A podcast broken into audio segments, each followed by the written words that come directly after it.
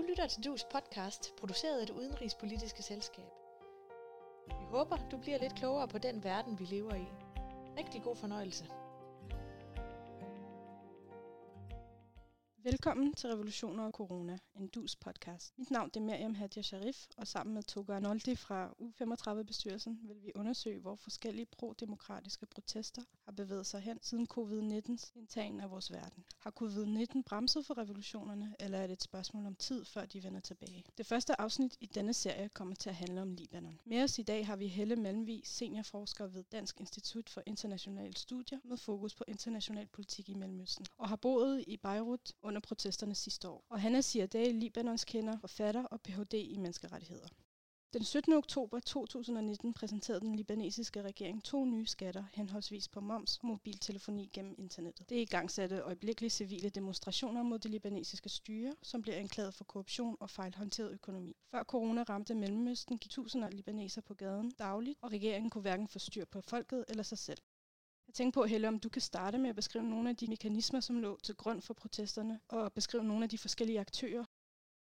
Altså det trækker jo virkelig nogle tråde langt tilbage, og en utilfredshed, man kan sige, der har ulmet længe, og som vi også så nogle år inden det blussede op til de helt store øh, protester.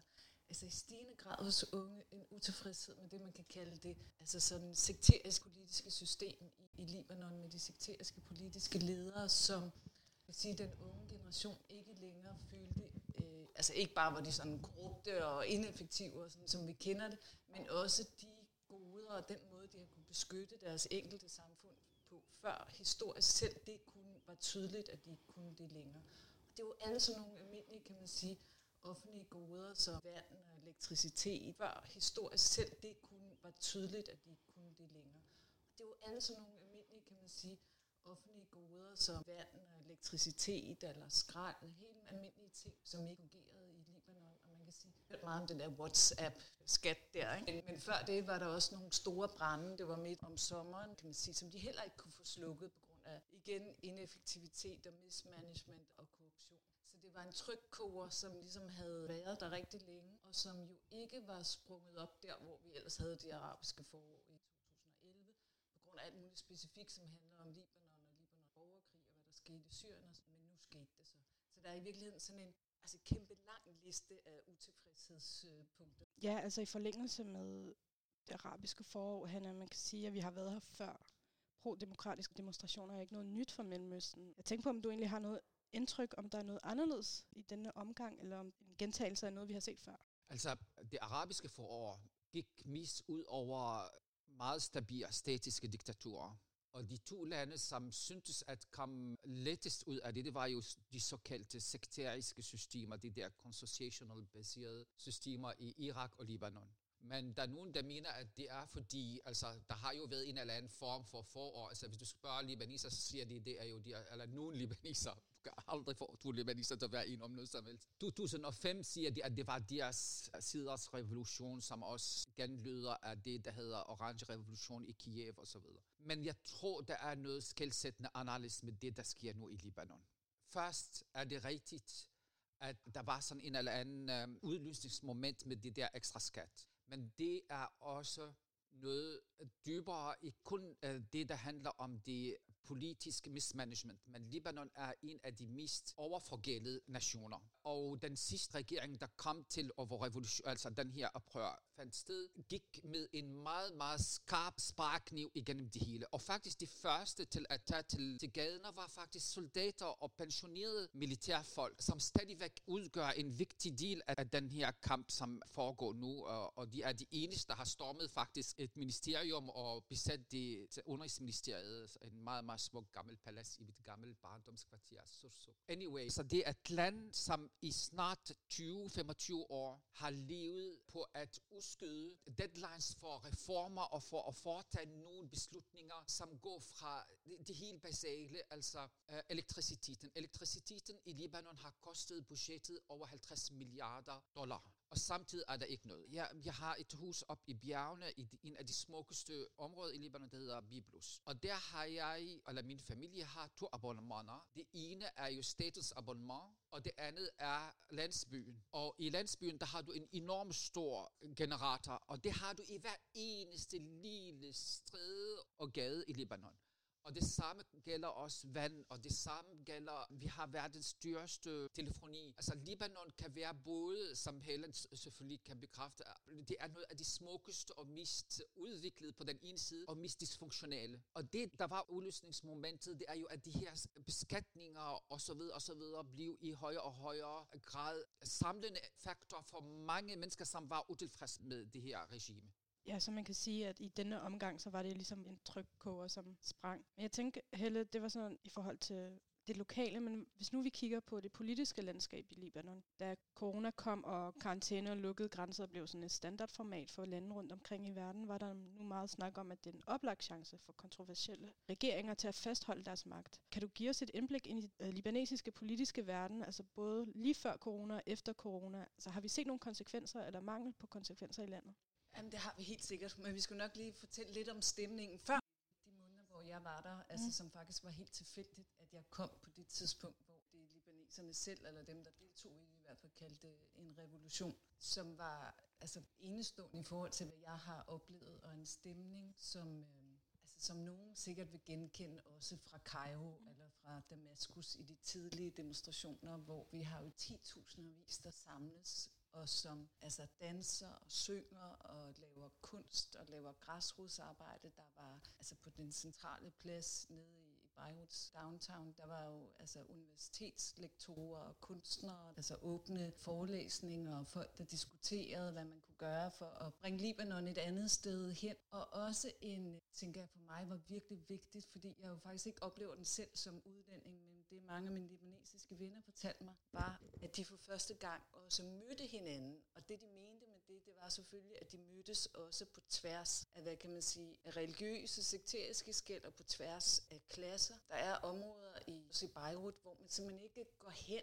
hvis man er fra et andet bestemt område. Så nogle af de barriere blev simpelthen brudt, og mange, hvis de ikke vidste det i forvejen, så fandt de ud af, at det kan godt være, at du er druser, eller kristen, eller shia, men vi kæmper med den samme korrupte elite, og med de samme korrupte politiske ledere, så er det sådan set ligegyldigt, hvilket system kommer fra. På den måde som en slags awakening, ikke? og en kæmpe positiv atmosfære. Nogle gange også det modsatte, for ganske tidligt begynder de store politiske aktører selvfølgelig også prøve at trænere det her. Men det er bare for at sige, at folk er virkelig i gaderne, og der sker noget helt anderledes. På et tidspunkt, hvor der også er, som han har beskrevet, altså den her kæmpe økonomiske krise, som jo kun bliver forstærket af både af protesterne, men også når man begynder at få sådan et løb mod banken. Ikke? Når alle begynder at gerne vil have deres dollars ud, så skaber det sådan en selvopfyldt profeti. Så det var også et land i økonomisk, altså dybere og dybere økonomisk krise og desperation over at se sin altså penge forsvinde på bankkontoen. Og så kommer corona jo, og det er jo selvfølgelig rigtig belejligt for alle autoritære regimer, altså både i Libanon, men selvfølgelig også andre steder. For det betyder jo, altså, at man lukker ned, og folk ikke må forsamles øh, i gaderne. Og det er simpelthen sværere at organisere en, en øh, revolution, for ikke at sige umuligt, hjemmefra. Så det har en kæmpe betydning sådan. Og jeg vil så sige, allerede lidt før corona var der også nogle ting, der begyndte. Så kæmpe betydning, men samtidig gør coronaen jo også, at alle de der økonomiske problemer og den ineffektive politiske ledelse bliver endnu tydeligere for alle. Så der er stadigvæk sådan sporadisk nogen, der bryder øh, forbuddet. Så corona havde en stor betydning, men har ikke slået den bevægelse ihjel. Ja, men jeg kan fornemme, at altså, der er en vis harmoni blandt folket, lige meget hvilken religiøs overbevisning det har, men hvordan ser det ud politisk i forhold til den her regering, der skal styre forskellige slags ja, religiøse overbevisninger i et land? Altså du mener det sekteriske regime? Ja, præcis. Hør, der er to metoder, eller to prismer, man bliver ved med at se Libanon på. Det er jo det sekteriske prisme, hvor alt bliver reduceret til det sekteriske, og det er rigtigt. Og du kan forklare og bortforklare alt med det. Men jeg er enig med det, som Helle siger, at der har været et katarsis-agtig følelse. Jeg, jeg sagde til mig selv, at der er tre ting, jeg skal huske. Det første, at for første gang i Libanon. Det er ikke, at de tværsekteriske blev mødt med hinanden. Det er mor, som blev bygget op om de to shiitiske partier over for shiiterne, blev brudt ned. Altså, jeg var jo til stede både natten den 17. oktober og også helt til den 17. februar i Libanon. Og jeg har deltaget i flere af de her demonstrationer. Jeg, jeg vil ikke sige, at der var noget anderledes med det, der foregik ved martyrernes plads. Der var lidt mere måske sådan stil over det. Jeg har taget nogle billeder, det var vidunderligt. Altså folk i de seneste Gucci-dragter, der sidder der. Altså I'm telling you, det er kun libaniser, der kan tillade sig at have en bestemt dragt, der er demonstrationsdragt. Der, hvor jeg hæfter mig mest ved, det er jo, at Nabatie i Sydlibanon, at Tyr i Sydlibanon, at små byer, som typisk har været totalt under Hezbollah og Amal-bevægelsens kontrol, der jo, der ved må at være demonstrationer. Det synes jeg, det var nummer et. Nummer to, jeg synes er vigtigt at sige, det er, at til trods for, at Libanon historie er præget af meget vold og sekterisk vold, så vil jeg fastholde, og der er stadigvæk ikke nogen, der har forsket virkelig, hvorfor der ikke har været så mange døde, som der er for eksempel i Bagdad. Fordi Øh, de her to sekteriske baserede konsensusagtige øh, uh, consociational systems har jo blæst op under det samme, hvor man brugt altså politiske eliter med religiøs repræsentabilitet har brugt deres poster for at bare rave til sig på en måde, som man ikke kunne gøre andre steder. Så der er ligheder der. Men der, der var der jo hele nogle virkelig forfærdelige drab på demonstrationer, og indtil nu ved vi ikke, hvem er det, der har foretaget dem. I Libanon har der været nogle få døde, men i langt de fleste tilfælde tilfældet har man fastholdt, at de her demonstrationer, at der ikke skal være drab. Måske er det, fordi herren har holdt sig lidt på neutral baggrund, eller måske er det, fordi de ved, hvis de starter så kan man ikke stoppe det. Det ved man jo fra forhistorie i Libanon. Og det tredje faktor, som jeg synes er vigtigt, hvis vi ikke bare bliver ved med at sige om Libanon, det er, at det her er en international fænomen. Mens vi sidder her og snakker om Libanon, så ved jeg, at det samme er sket i Banrazi og Tripoli. Vi ved, at det samme sker i Tel Aviv. Tænk på det og det bliver ved med at ske i Irak. Selv i Syrien en gang imellem blæser det op. Det foregår i, i Belarus, øh, selvom vi skal kalde det øh, Hvide Rusland. Og, det foregik samtidig Chile, hvis man husker det, da det startede i Libanon. Så der er en eller anden international tendens hos præcis de unge, som føler sig totalt trangt i et krog af en økonomisk og politisk system, som i højere og højere grad måske plejer de færstes interesser. Altså Piketty siger om, at der er nu mere end nogensinde større afstand mellem de rige og de fattige. Og det kan man sige i Libanon, og det kan man sige måske i Irak og i Banrazi og Libyen, altså hvor folk har enorme ressourcer, og nogen, der ikke kan få vand igennem hænderne. Det får det her system til at bryde i krog, ikke? det er jo baggrunden for den her podcast, det var, at vi var interesseret i alle de her ungdomsrevolutioner, vi så rundt omkring i verden, lige før at corona kom til. Jeg tænkte, at vi skulle tilbage for, at dem, der ikke kender Libanon, er jo det mest komplicerede system at forklare for nogen, men jeg tænker alligevel, at vi lige skal prøve for, at lyttere, der ikke kender Libanon super godt, forstår tale om det konfessionelle system eller det sekteriske system.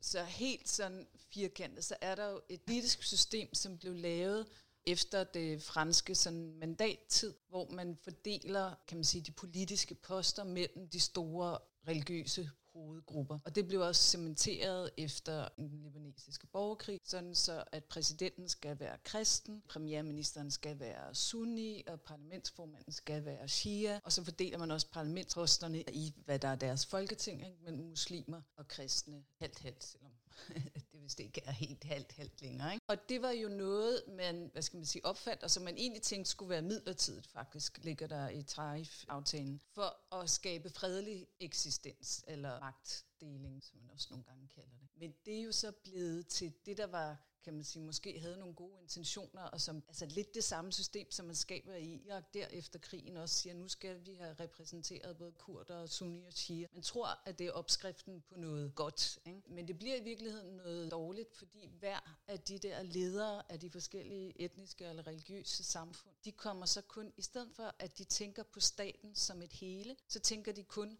på den der lille del af deres egne følgere, og det er så dem, som de logger ind i sådan et på engelsk eller sådan et patronage-system, patron-klient-system, hvor alle borgere bliver fuldstændig afhængige. Den sekt, de tilhører, de bliver ligesom fanget i den, fordi de er afhængige af både at få de der offentlige goder gennem deres altså politisk religiøse ledere, de job altså i staten eller skolegang. Alt er defineret ud fra, hvilken gruppe du tilhører.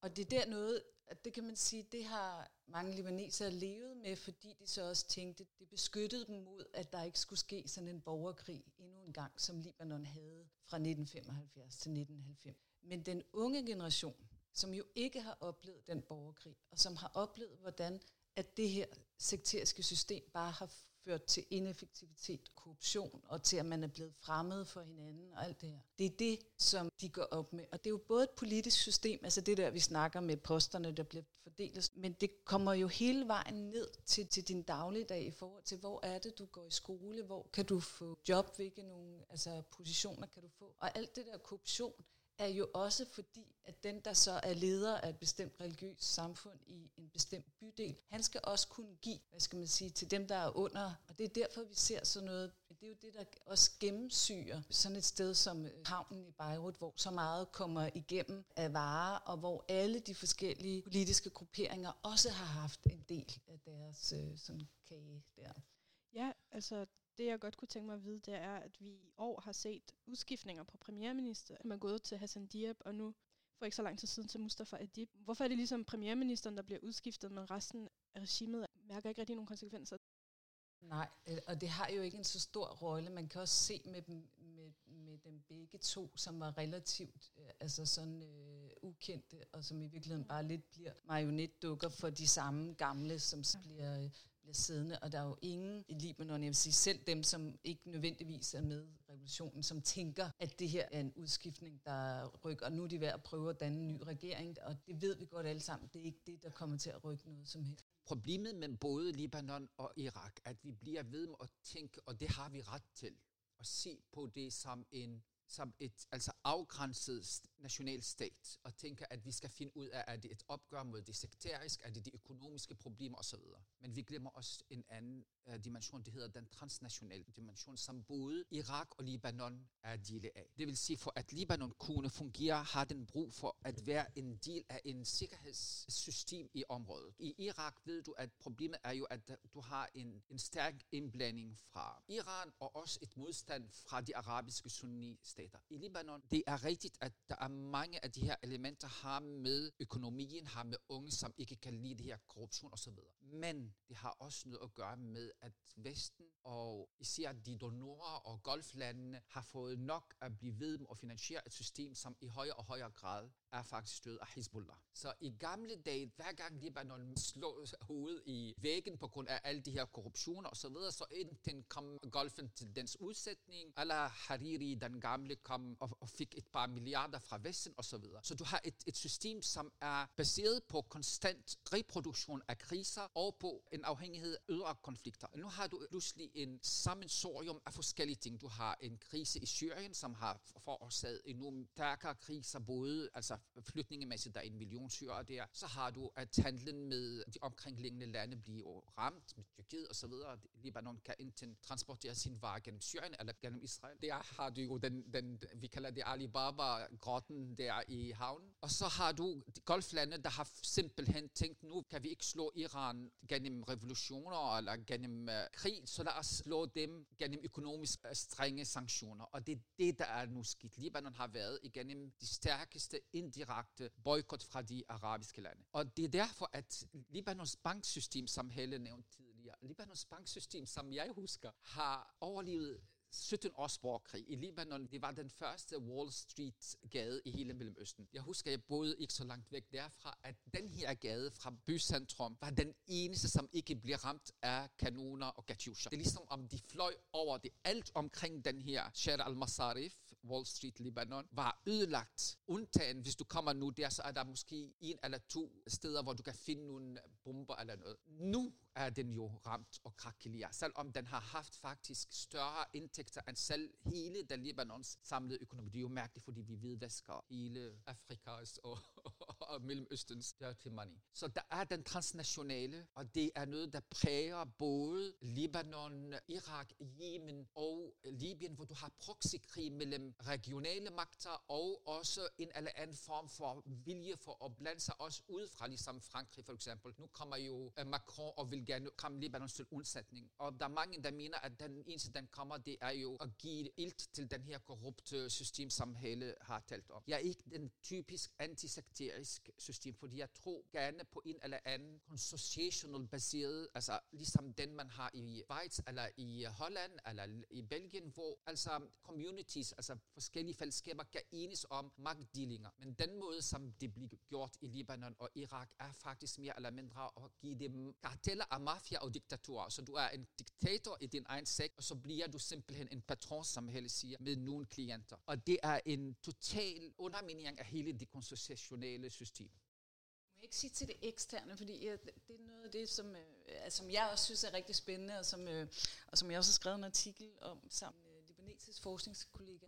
Altså fordi normalt plejer man at sige, Libanon er ligesom sådan et slags mikrokosmos på alle de alliancer og konfliktlinjer, der er i Mellemøsten. Det var det sted, hvor vi både havde Iran og Saudi-Arabien og USA og Frankrig, og, og så kunne de støtte hver deres sådan gruppe internt i Libanon. Men jeg tænker noget, at det her er også blevet muliggjort af, at de har trukket sig en lille smule. Altså at det, at golfen har trukket sig, har selvfølgelig, som Hanna siger, givet det der økonomiske pres, men det har også givet et nyt form for øh, spillerum, og som også gjorde, at protesterne kunne med en vis ret for første gang, også i modsætning til 2005, vil jeg måske våge påstå at sige, jamen det her oprør, det er bundet i altså nationale utilfredshed. Det er noget, der handler om libaneserne selv. Det er ikke noget, der handler om Iran eller om USA. Eller, altså, man set i Irak, der er de unge demonstrerer også mod Irans indflydelse. Det her oprør, det handlede ikke om Iran eller om Saudi-Arabien eller om USA.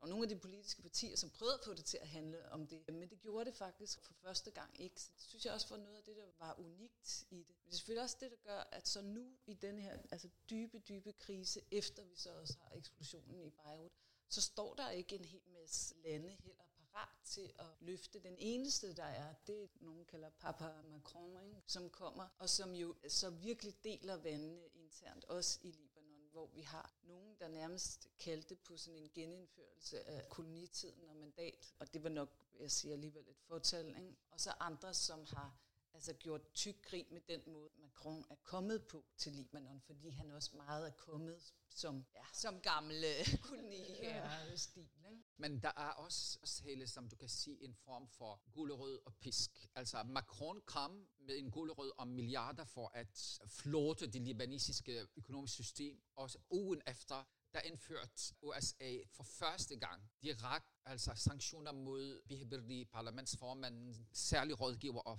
tidligere finansminister, og også nogle andre kristne for første gang. Fordi før i tiden, der har det været enten banker eller personer, som er direkte tilknyttet til Hezbollah, der er det. Rigtig oprøret ulmer på grund af social-økonomisk utilfredshed med den her totalt gennemkorrupt, tværsekteriske mafia, som jeg kalder det. Og de ens med hinanden, og de gifter sig med hinanden. For eksempel, jeg ved, at Birdi, som er Shia, han, han har givet sin datter Øh, ægtefælde til en sunni fra Tripoli. Hvis du almindelig libaneser gjorde det, så vil der være en stor, stor hej om det. Hvis du er overrig i Libanon, så kan du blive gift på tværs af de sekteriske, mens klienterne bliver fastholdt i den der følelse at øh, din tryghed finder du i den her gruppe, og hvem er det, der sørger for den tryghed? Det er Zaim, det er vores leder. Det er derfor, der er nogen, der mener i Libanon, du har seks mænd, der bestemmer, og det er ikke tilfældigt, at det er seks mænd, fordi det her er patron, altså den her klientelistiske system, der bestemmer, om der er krig eller fred i Libanon, og det er de her repræsentanter af de store sekteriske. Men vi bliver nødt også til at forstå, at der er også en transnational aspekt af det, og det er Hezbollah, og det den, som nu for eksempel sætter ben for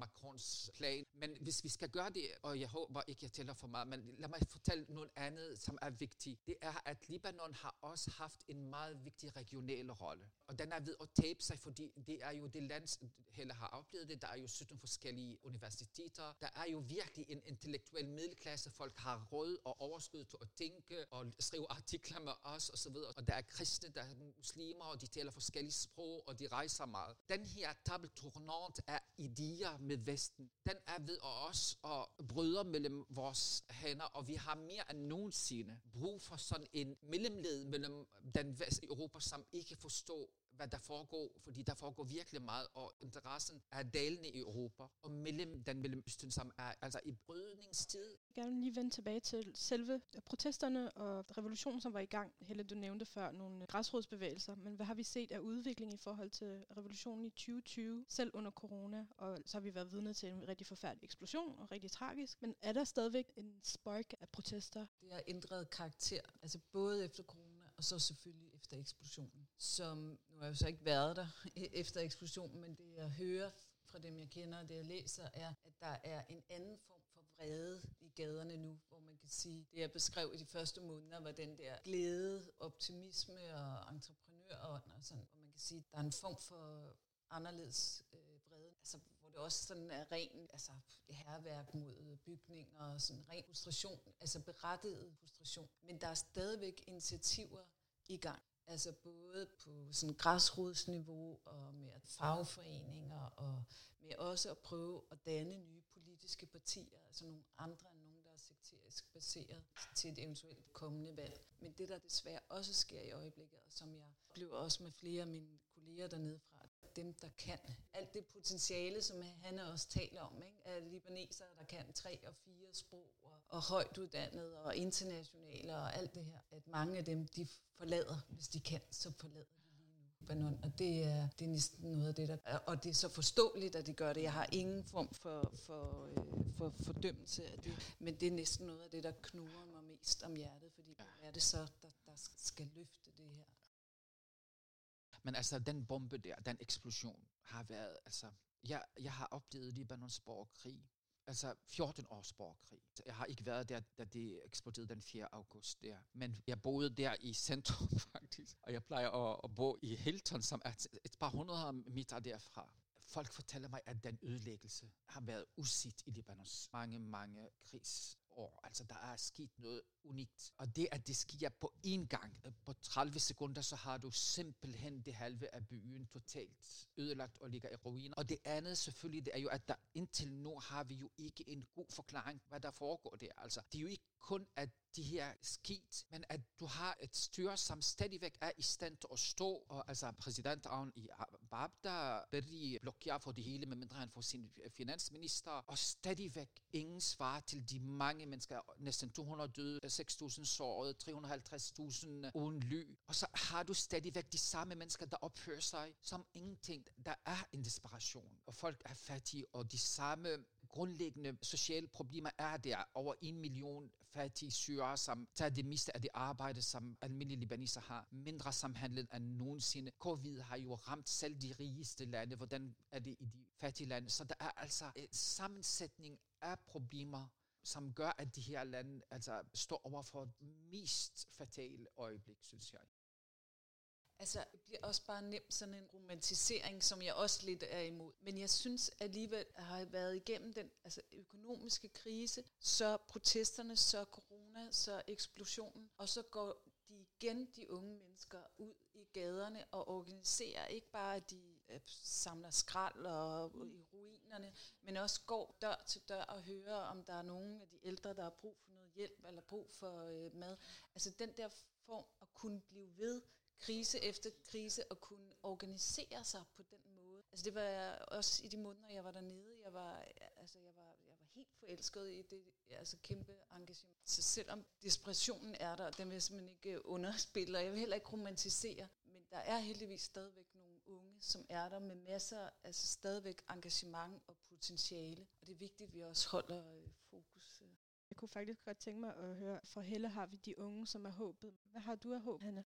Hør, altså, det min eneste håb, som har virkelig gjort en forskel hos mig, fordi libaneser romantiserede også 2005 oprøret og gjorde det til den der side af revolutionen, men der var det virkelig uden om shiiterne.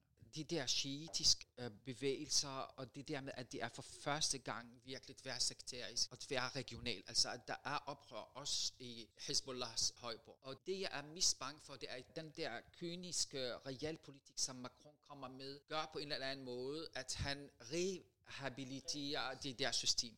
Og derfor er det så vigtigt, som Hale siger, at de unge bliver ved og fastholder alle, det vil sige alle. Og der er altså den der bombe, fordi de kunne sige, at der var både i havnen, der var både en shia-muslim, en sunni-muslim, en maronit. Og hvad hjælper det mig, at du har alle de her mennesker, og når din hjertet af din by bliver totalt ødelagt, altså prøv at forestille dig, at man sætter 2.700 tons eksplosioner i Nyhavn, og vi vågner op næste dag, og vi ikke har vores København. Der vil du have hele Danmark at stå på fødderne og kræve, at regeringen og hele Christiansborgsklassen bliver afskaffet. Så lad os håbe. Jeg vælger og naivitet, som Jean-Paul Sartre siger, og håber, at de unge kan gøre det, men de har virkelig, virkelig store udfordringer foran sig.